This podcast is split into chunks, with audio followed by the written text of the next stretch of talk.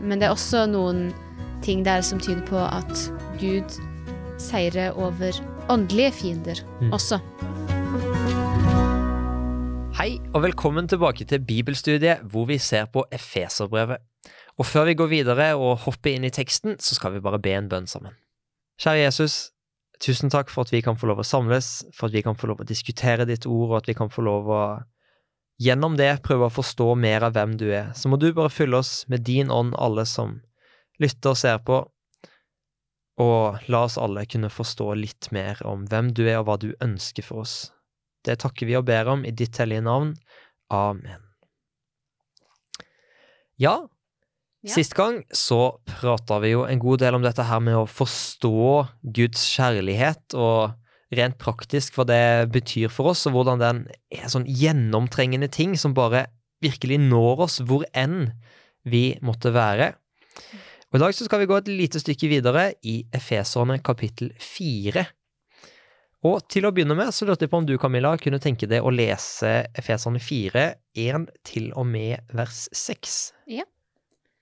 Så formaner jeg dere, jeg som er fange for Herrens skyld, at dere lever et liv som er verdig det kallet dere har fått, i mildhet, ydmykhet og storsinn, så dere bærer over med hverandre i kjærlighet. Sett alt inn på å bevare åndens enhet i den fred som binder sammen, en kropp, en ånd, slik dere fikk ett håp da dere ble kalt. En Herre, en tro, en dåp, en Gud og alles far, han som er over alle, og gjennom alle, og i alle. Ja, altså Jeg synes jo at Efeserbrevet jeg, Jeg tror jeg sa dette aller første gang vi prater sammen, men det er noe med at det er et brev som både bygger opp, og samtidig så utfordrer det oss Mm. på en del områder. Og jeg synes at nå som vi kommer inn i siste halvdel, så er det enda flere av de tekstene som på en måte utfordrer oss litt, og som er litt vanskelige på en måte. Og sånn som her så tar eh, Paulus og sier det, jeg som er fange for Herrens skyld, jeg formaner dere, jeg sier dere, lev et liv som er verdig det kallet dere har fått. Og så lurer jeg på, hvordan tolker dere at Paulus mener at livet skal leves? Hva er et liv som er verdig det kallet vi har fått? Jeg syns det er fint at eh, eh, like sikkert som at vi har et, et, en plass i himmelen, så har vi også en plass her på jorden i Guds kall, i Mm. tjeneste. Mm. Mm. Så vi har en hensikt her på jorden også. Mm. Mm. Så du tenker egentlig litt i de, de baner at Gud har en eh, Vi sier gjerne Gud har en plan for ditt liv. Så at eh, å leve et liv som er verdig det kallet, er egentlig å ja, leve i tråd med den planen Ja. som Gud har, da. For hvert enkelt menneske. Mm. Mm. Absolutt. Har dere noen tanker da når Paulus sier dette her, og så går han over på å snakke om å bevare enheten? Så sier han ok, vi skal ha én kropp, én ånd, slik dere fikk ett håp da dere ble kalt én herre, én tro, en dåp, en gud og alles far. Ja, jeg liker egentlig best den engelske oversettelsen um, av vers tre. Eh, for på norsk så, så skriver man 'sett alt inn' på å bevare åndens enhet. Men på engelsk, og på gresk egentlig, så får man mer inntrykk av at gjør en innsats eh, for å bevare åndens enhet. Putt, putt litt eh, innsats inn i det dere gjør. Effort er vel kanskje ordet som blir brukt på engelsk. Um, og det er, en, det er en mye sterkere appell Mm. eh, og mer aktiv handling enn Det høres litt passivt ut, sett alt inn. Jeg har sett alt inn, det kunne nesten vært litt sånn gambling-terminologi. Må du bare satse på at det går sånn, mens det er jo egentlig et mer fokus på at du skal investere også, altså effort, da, innsats. Det er det. Eh, men det er Mm. veldig anonyme ord på norsk, så man glir gjerne rett forbi de. Mm. Men, men tanken her er jo at, at åndens enhet um, og den freden, det er noe som vi virkelig skal bli oppfordra her til å ja, å legge en innsats i. Nå har jeg en litt utfordrende tanke til dere. For eh, hvis man leser på eh, dialogen som har vært med den katolske kirke og de reformerte kirkene etter reformasjonen, så er en av de kritikkene som har kommet etter det, det er nettopp dette her med at ok, men skulle det ikke være én kropp, én herre, én tro, én dåp? Og så etter reformasjonen så sitter vi igjen med tusenvis av forskjellige kirkesamfunn. Hvordan, hvordan forholder vi oss til dette? Har vi gjort noe feil ved å ha så mange retninger?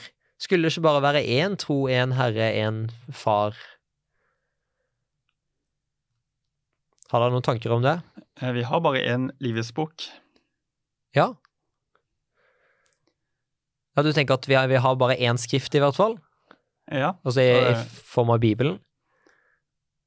Og så er det jo en bok i himmelen som kalles Livets bok. Mm. Absolutt. Hadde du noen tanker. Camilla? Ehm, ja, spørsmålet er da Er det Tenker du da at man skulle vært én menighet med alle de forskjellene som man har? Ja, det er jo det som er spørsmålet her. Hva er det egentlig Paulus sier? Hva, hva, jeg tror kanskje jeg lurer på, hva ville Paulus tenkt hvis han så hvor mange forskjellige kirkesamfunn vi har i dag? Han ville nok kanskje klødd seg litt i hodet og tenkt hvordan, hvordan skjedde dette? Mm. Um, og blitt overraska. Det at det er forskjellige kirkesamfunn, gjør jo også at troen blir spredt til forskjellige deler av verden og på forskjellige måter. Um, og en del av de forskjellene som man har, går jo ofte på, på ting som man sliter med å, å enes om. Ja, og jeg, sånn personlig når jeg ser denne teksten, så tenker jeg at det er to litt sånne motsetninger, da, Mm. som vi må klare å finne en balanse mellom. For gjennom hele brevet, så, som vi har vært inne på, Paulus han utfordrer litt. Mm. Han er ganske tydelig på at dette her er det vi skal tro, dette her er måten vi skal leve på. Og samtidig så er det et fokus på dette her med enhet. På tross av at dere er uenige, så må dere klare å ha litt enhet. Og jeg, jeg tenker jo der at det må jo være rom for å finne ting i Bibelen, og rom for å ha sannheter som man tenker dette her er for viktig til at jeg kan bare kaste det ut døra. Mm. For skillene ofte mellom kirkesamfunnene går jo litt på at vi har denne tingen som det kan ikke jeg forkaste eller gå med på. Mm. At vi på en måte mister. Mm. Så jeg føler jo at Paulus gir rom for nettopp det å holde fast ved den sanne tro. Mm. Men jeg tenker jo allikevel da at det er en utfordring her i kirkesamfunnene imellom til å klare å hva skal man si da, vise kjærlighet da, og allikevel tenke at vi er alle en del av Kristi kropp på samme tid. Så, så, det å holde fast på det vi tenker er riktig og tror, samtidig som vi faktisk viser at men vi er en del av samme tre, i hvert fall. Mm. Så ja. Men, men det er en veldig vanskelig balanse å finne, da. Det er en vanskelig balanse. Det tror jeg det er viktig at vi, vi anerkjenner. Det er ingen kirkesamfunn som kommer til himmelen i sin helhet. Mm. Mm. Ja, det er en litt utfordrende tanke. Det er jo ikke det at vi er skrevet ned i jeg håper å si, registeret til menigheten som gjør at vi kommer dit. Det er jo der vi har tatt imot Jesus, så det, det er et godt poeng du sier der, altså. Samtidig som jeg tenker jo allikevel at hvis man finner noe som man tenker at dette her er viktig, så må det være lov å holde fast på det. Mm. Og det tror jeg er en ting som er viktig å ta med seg også. Jeg tenker vi skal gå litt videre og lese vers 7 til og med 10. Daniel, har du lyst til å lese det? Ja. Til hver enkelt av oss er nåden gitt, alt etter som Kristi gave blir tilmålt. Derfor heter det, Han steg opp i det høye og bortførte fanger. Til, til mennesket ga han gaver. At han eh, steg opp, må jo bety at han eh, først var steget ned, til det aller laveste til jorden. Han som steg ned, er den samme som steg høyt opp over alle himler, for alle for å fylle alt. Dette er en ganske, jeg vil si, komplisert tekst. Mm. Det, det er litt vanskelig å skjønne hvor det kommer fra. Eh, så det er egentlig mitt spørsmål. Hvor, hvor kommer dette fra? Hva er det Paulus prøver å si?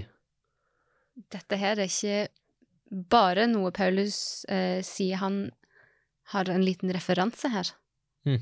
eh, til salmene Nå skal jeg bare sjekke notatene mine. Salme 68. Det stemmer. Og der, eh, den biten i vers 8, da, har han eh, Der siterer han Salme 68. Hva er det Salme 68 handler om? Hva er liksom temaet som er der? Ja, jeg, um, jeg gjorde litt research på det.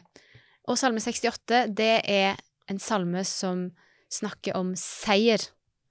Um, at, at Gud seirer, kjemper og seirer over menneskelige fiender. Men det er også noen ting der som tyder på at Gud seirer over åndelige fiender Mm. også.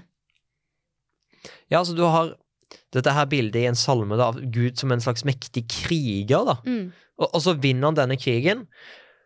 Og så er det henta et sitat her da fra denne salmen hvor det steg Han steg opp i det høye og bortførte fanger. Et menneske. Eh, til mennesket ga han gaver. Mm. Men det er en spennende detalj her, da, som vi Som er ganske viktig å legge merke til. For her står det 'Han steg opp i det høye og bortførte fanger'. Til menneskene ga han gaver. Mm. Vet du hva som står i Salme 68, det sitatet som han siterer? Ja, vi kan jo lese Salme 68 og vers 19.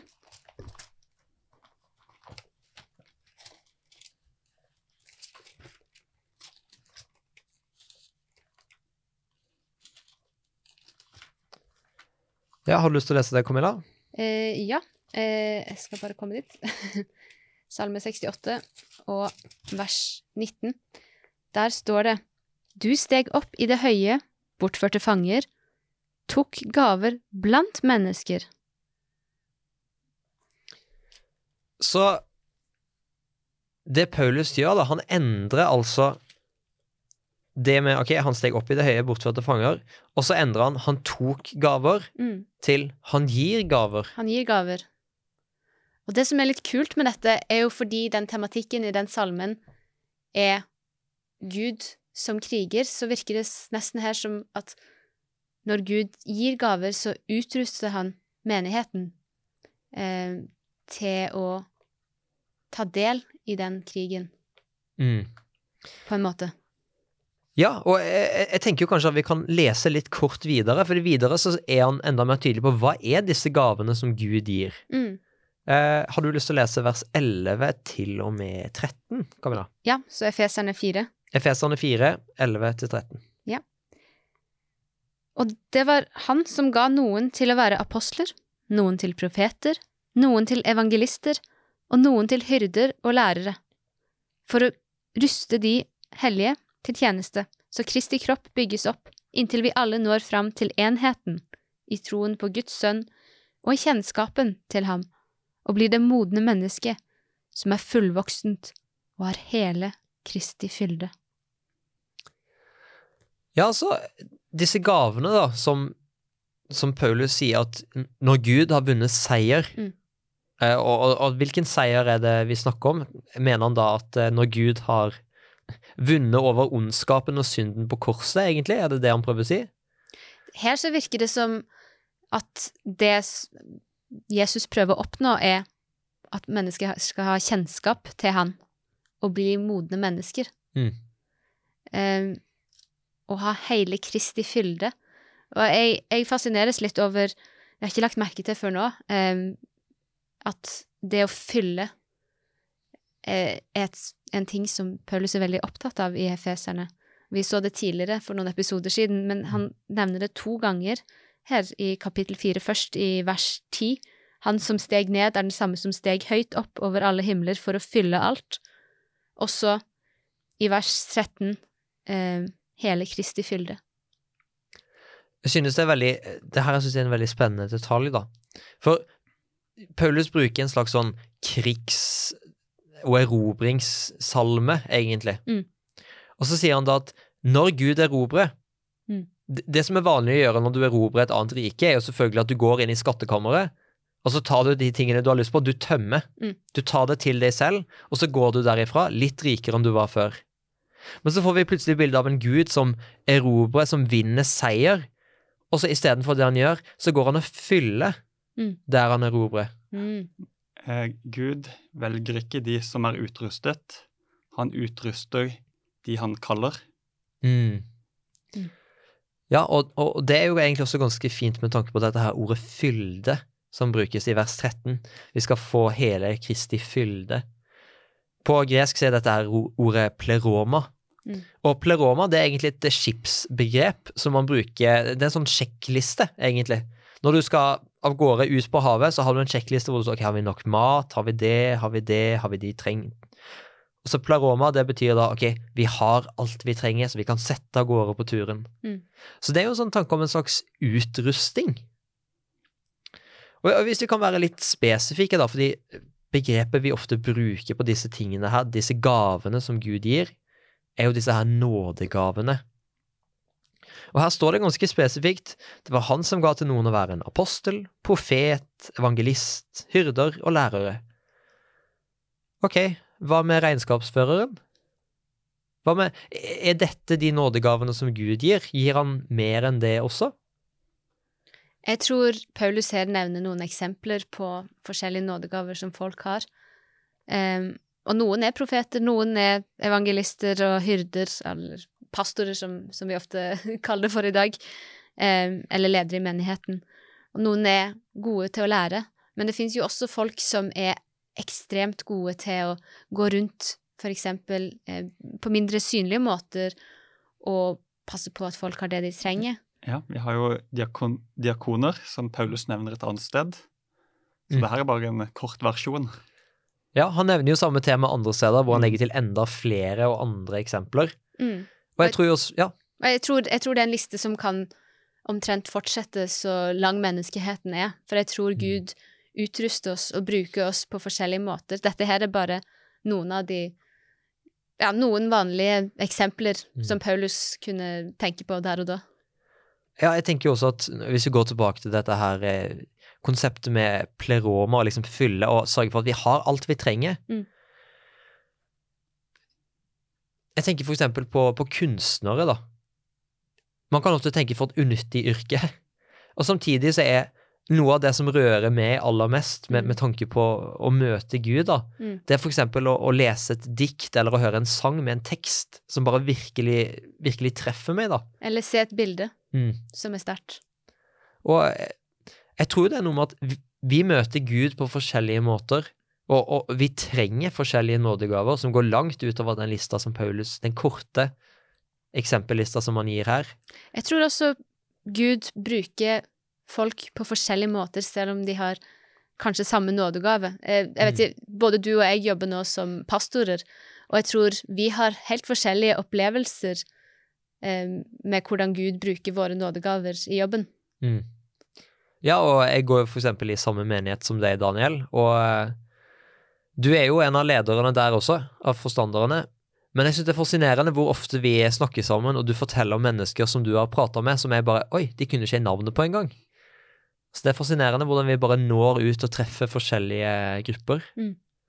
Ja, han eh, Uttrykket 'én kropp' blir jo nevnt, Mm. og da blir også Og det er nok flere kroppsdeler, Mm. og hver kroppsdel har sin funksjon. Mm. Mm. Ja, jeg tror det er egentlig en veldig god oppsummering, et veldig godt rammeverk for egentlig alt det han sier her. Og kanskje det er noe vi må tenke litt mer på hvis man føler at åh, nå strakk jeg ikke til, nå klarte jeg ikke For jeg kan ikke gjøre sånn som han eller hun eh, som er så flink til å synge, eller som er så flink til å gjøre dette De er så flinke til å vaske, de er så flinke til å kjøre bil, eller et eller annet. Mm. De bruker det for eh, gudstjeneste eh, Altså ikke gudstjeneste, men gudstjeneste. Mm. Eh, jeg klarer ikke å gjøre dette. Men Gud har gitt oss forskjellige oppgaver, og det er viktig at ikke alle har samme oppgaver, og ikke alle har en helt lik måte å være på, fordi Mm. vi trenger mangfold, og vi trenger å være ulike. Ja, og jeg tror også for eksempel hvis vi tar den kunstneren som jeg snakka litt om tidligere Mm. Jeg tror ikke du som kunstner er klar over hvem som eh, leser de tingene du har eh, produsert, eller ser det verket du har produsert. Mm. Jeg tror aldri du får vite hvor mange som ser det og virkelig har en stor opplevelse, og at det skjer noe inni dem. Mm. Og, og jeg tror vi må rett og slett bare innse at gjennom de aller minste tingene som vi gjør, så kan Gud gjøre store ting i andre. Mm. For det er jo ikke vi som omvender mennesker, det er jo Gud som ja, Mm. rett og slett endrer hjertene til folk, da. Gjenerobrer hjerter. Og kanskje vi òg må være flinkere til å huske på å si det til folk når vi merker at Gud har virka gjennom de for å nå oss. Mm. At vi forteller folk at vet du hva, det du gjorde når du ga meg den ekstra brødskiva, eller du eh, Du gjorde sånn at det var rent her i dag. Du gjorde sånn at det var friske blomster. Du gjorde sånn at barna hadde et sted å være. Eh, du, så meg Mm. på en eller annen måte. Du sa noe fint. Du skrev et dikt. At vi sier til folk at der, der nådde Gud meg i dag. Takk for det. Ja, for det er viktig å bli klar over sine nådegaver. Mm. Ja, og jeg, jeg tror jo, for å se litt på begge de to tingene som dere sier, da, at eh, innenfor pedagogikk så, har man, eh, så ser man for eksempel på ok, hvordan gir du tilbakemelding til en elev? Mm. Sier du bare 'slutt med det, slutt med det, slutt med det', og så sitter eleven og føler på 'ok, men hva skal jeg gjøre', da? Mm. Når ingenting fungerer. Og, Mm. og så kan man heller si 'ok, akkurat det du gjorde der, veldig bra'. Mm. Og, og når du får den der positive tilbakemeldingen, så er den fysiske responsen i kroppen din 'Å ja, men da gjør jeg det igjen'. Mm. Og jeg tenker jo kanskje det at når man bruker sine nådegaver, når Gud virker gjennom en, hvis mennesker er flinke å ta hverandre på fersken, Mm. og bare 'ha, der ser jeg at Gud virker gjennom deg'. Akkurat som Paulus gjør i begynnelsen av denne boka, som vi var inne på i den Mm. andre episode, når Paulus sier 'Jeg takker Gud når jeg tenker på dere, for Mm. den kjærligheten'. Han tar dem på fersken. Ja, virkelig. Jeg tenker vi tar og leser vers 14 til og med 16 til slutt, og så diskuterer vi de litt kort. Skal vi se, jeg kan ta og lese. Så skal vi ikke lenger være umyndige småbarn. Ikke la oss kaste hit og dit og drive omkring ved hvert eneste vindpust av ny lære, så vi blir et bytte for menneskers falske spill og listige, forførende knep. Men vi skal være tro mot sannheten, i kjærlighet og i ett og alt vokse opp til ham som er hodet, Kristus. Ut fra ham blir hele kroppen sammenføyd og holdt sammen av hvert bånd og ledd, alt etter den oppgave hver enkelt har fått tilmålt, så kroppen vokser og bygges opp i kjærlighet. Hva tenker dere om den advarselen som Paulus gir her, med tanke på fare hit og dit med hvert eneste vindpust av ny lære? I første episode så leste vi litt om hvordan Paulus advarte folk i Efesos om ulver som skulle komme, og som skulle prøve å dra sauene Altså, folk skulle komme til menigheten i Efesos og prøve å lure de som var der, med å fortelle ting som var feil om Gud.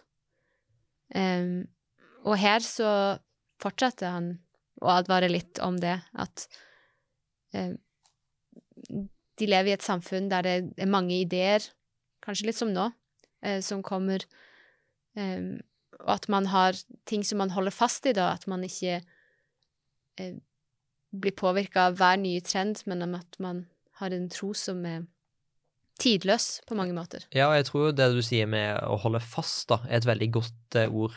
Med tanke på det vi snakket om tidligere, med, med Jesus som hjørnestein. Vi, snakker om eh, ja, å være en del av treet. Altså, det er noe med på en måte Hva er fundamentet ditt, da? Mm. For å fare hit og dit, så må du være litt sånn rotløs. Så jeg, jeg tror det handler noe om å ta imot Jesus, ta imot nåden. Og så sier du jeg, holder fast på den, da. Mm. Uh, ja. Jeg hørte litt Jeg var og scrolla på telefonen min her en dag, uh, og så kom jeg over en uh, sånn video der det var en pastor, tror jeg, som sa at hvis djevelen vet at at det viktigste for Jesus er din relasjon til han og til menneskene rundt deg, så er det det der han vil angripe mest. Mm. Og det var litt sånn wow, OK. Um, og kanskje det å Når vi ser ned på mennesker, når vi føler at vi må unngå mennesker, det er ikke noe Gud ønsker. Uh, og det, det var en veldig sånn interessant tanke, syns jeg. Mm. Ja, du ser ut som du sitter og kverner på noe klokt, Daniel. Ja, fordi ofte så ja, Paulus advarer jo et annet sted at eh, det vil komme en tid Mm. der mennesker vil gå bort fra en sunne lære Mm. og heller gå til det som klør i øret. Mm. Det er vel litt av det samme han tenker på her. Ja, jeg- jeg tror jo en av de tingene som appellerer litt lite med Bibelen, er jo nettopp det at selv om vi kanskje oppdager nye ting og mye, nye måter å på en måte eh, Application, jeg vet ikke hvor applikasjon sier man kanskje på norsk. Appell. Appell, ja. Altså flere måter å si ok, dette her er det Bibelen sier, men hva betyr det for oss? Mm. Så tenker vi at grunnprinsippene og på en måte hva etikk og moral er, det endrer seg jo ikke. Og samtidig, en av de tingene som jeg synes er veldig fint med nettopp det å være litt sånn rotfesta og grunnfesta, så er det nettopp det at når alt flyr frem og tilbake, hva skal vi mene om dette? Så er det da noe veldig trygt med å kunne stå fast. Du hadde dette her eh, bildet som du tok for et par episoder siden, med å stå rotfesta i kjærlighet, Mm. på en måte midt i stormen. Mm. Og synes det er noe veldig fint med å Ja, når man blir bombardert med så mange inntrykk og tanker om dette her er måten du burde gjøre det på, måten å leve på, og bare kunne stå fast i OK, jeg har mitt forhold til Jesus, jeg har en viss forståelse av hva Guds ord sier, jeg holder fast på det. Mm. Og det, det tror jeg er veldig viktig i den verden vi lever i. Og så tenker jeg kanskje en avsluttende tanke der er at i den oppgaven hvor vi skal stå fast, så avslutter han den seksjonen som vi nettopp leste, med å si ut fra ham ble hele kroppen sammenføyd og holdt sammen av hvert bånd og ledd, alt etter den oppgave hver enkelt har fått tilmålt, så kroppen vokser og bygges opp i kjærlighet. Det er noe med at vi får noe tilmålt, altså Gud gir oppgaven. Når Gud erobrer, når Gud vinner ditt hjerte, så fyller han det. Han utruster. Så denne oppgaven å stå rotfesta i kjærlighet og stå fast, det er noe som Gud hjelper oss til. Mm. Så det er ikke noe som hviler på, på oss selv og våre, våre gjerninger, da, som vi ofte sier. Mm. Og det syns jeg det er en veldig trygghet i. Mm. Jeg lurer på om det kanskje er et fint sted å runde av for i dag. Og jeg lurer på om eh, du, Daniel, kunne tenke deg å be for oss til slutt? Gode himmelske Far, jeg takker deg for at du har kalt oss til å være en kropp med en ånd, med ett håp og med en dåp og en tro. Så må du hjelpe oss til å stå sammen det, i det håpet og, og i det kallet du har gitt oss i tjeneste for deg og andre mennesker. I Jesu navn. Amen. Amen. Amen.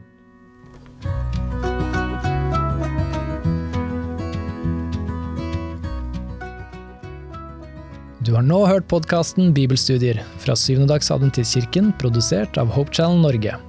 Husk å følge podkasten, og inntil videre Guds velsignelse.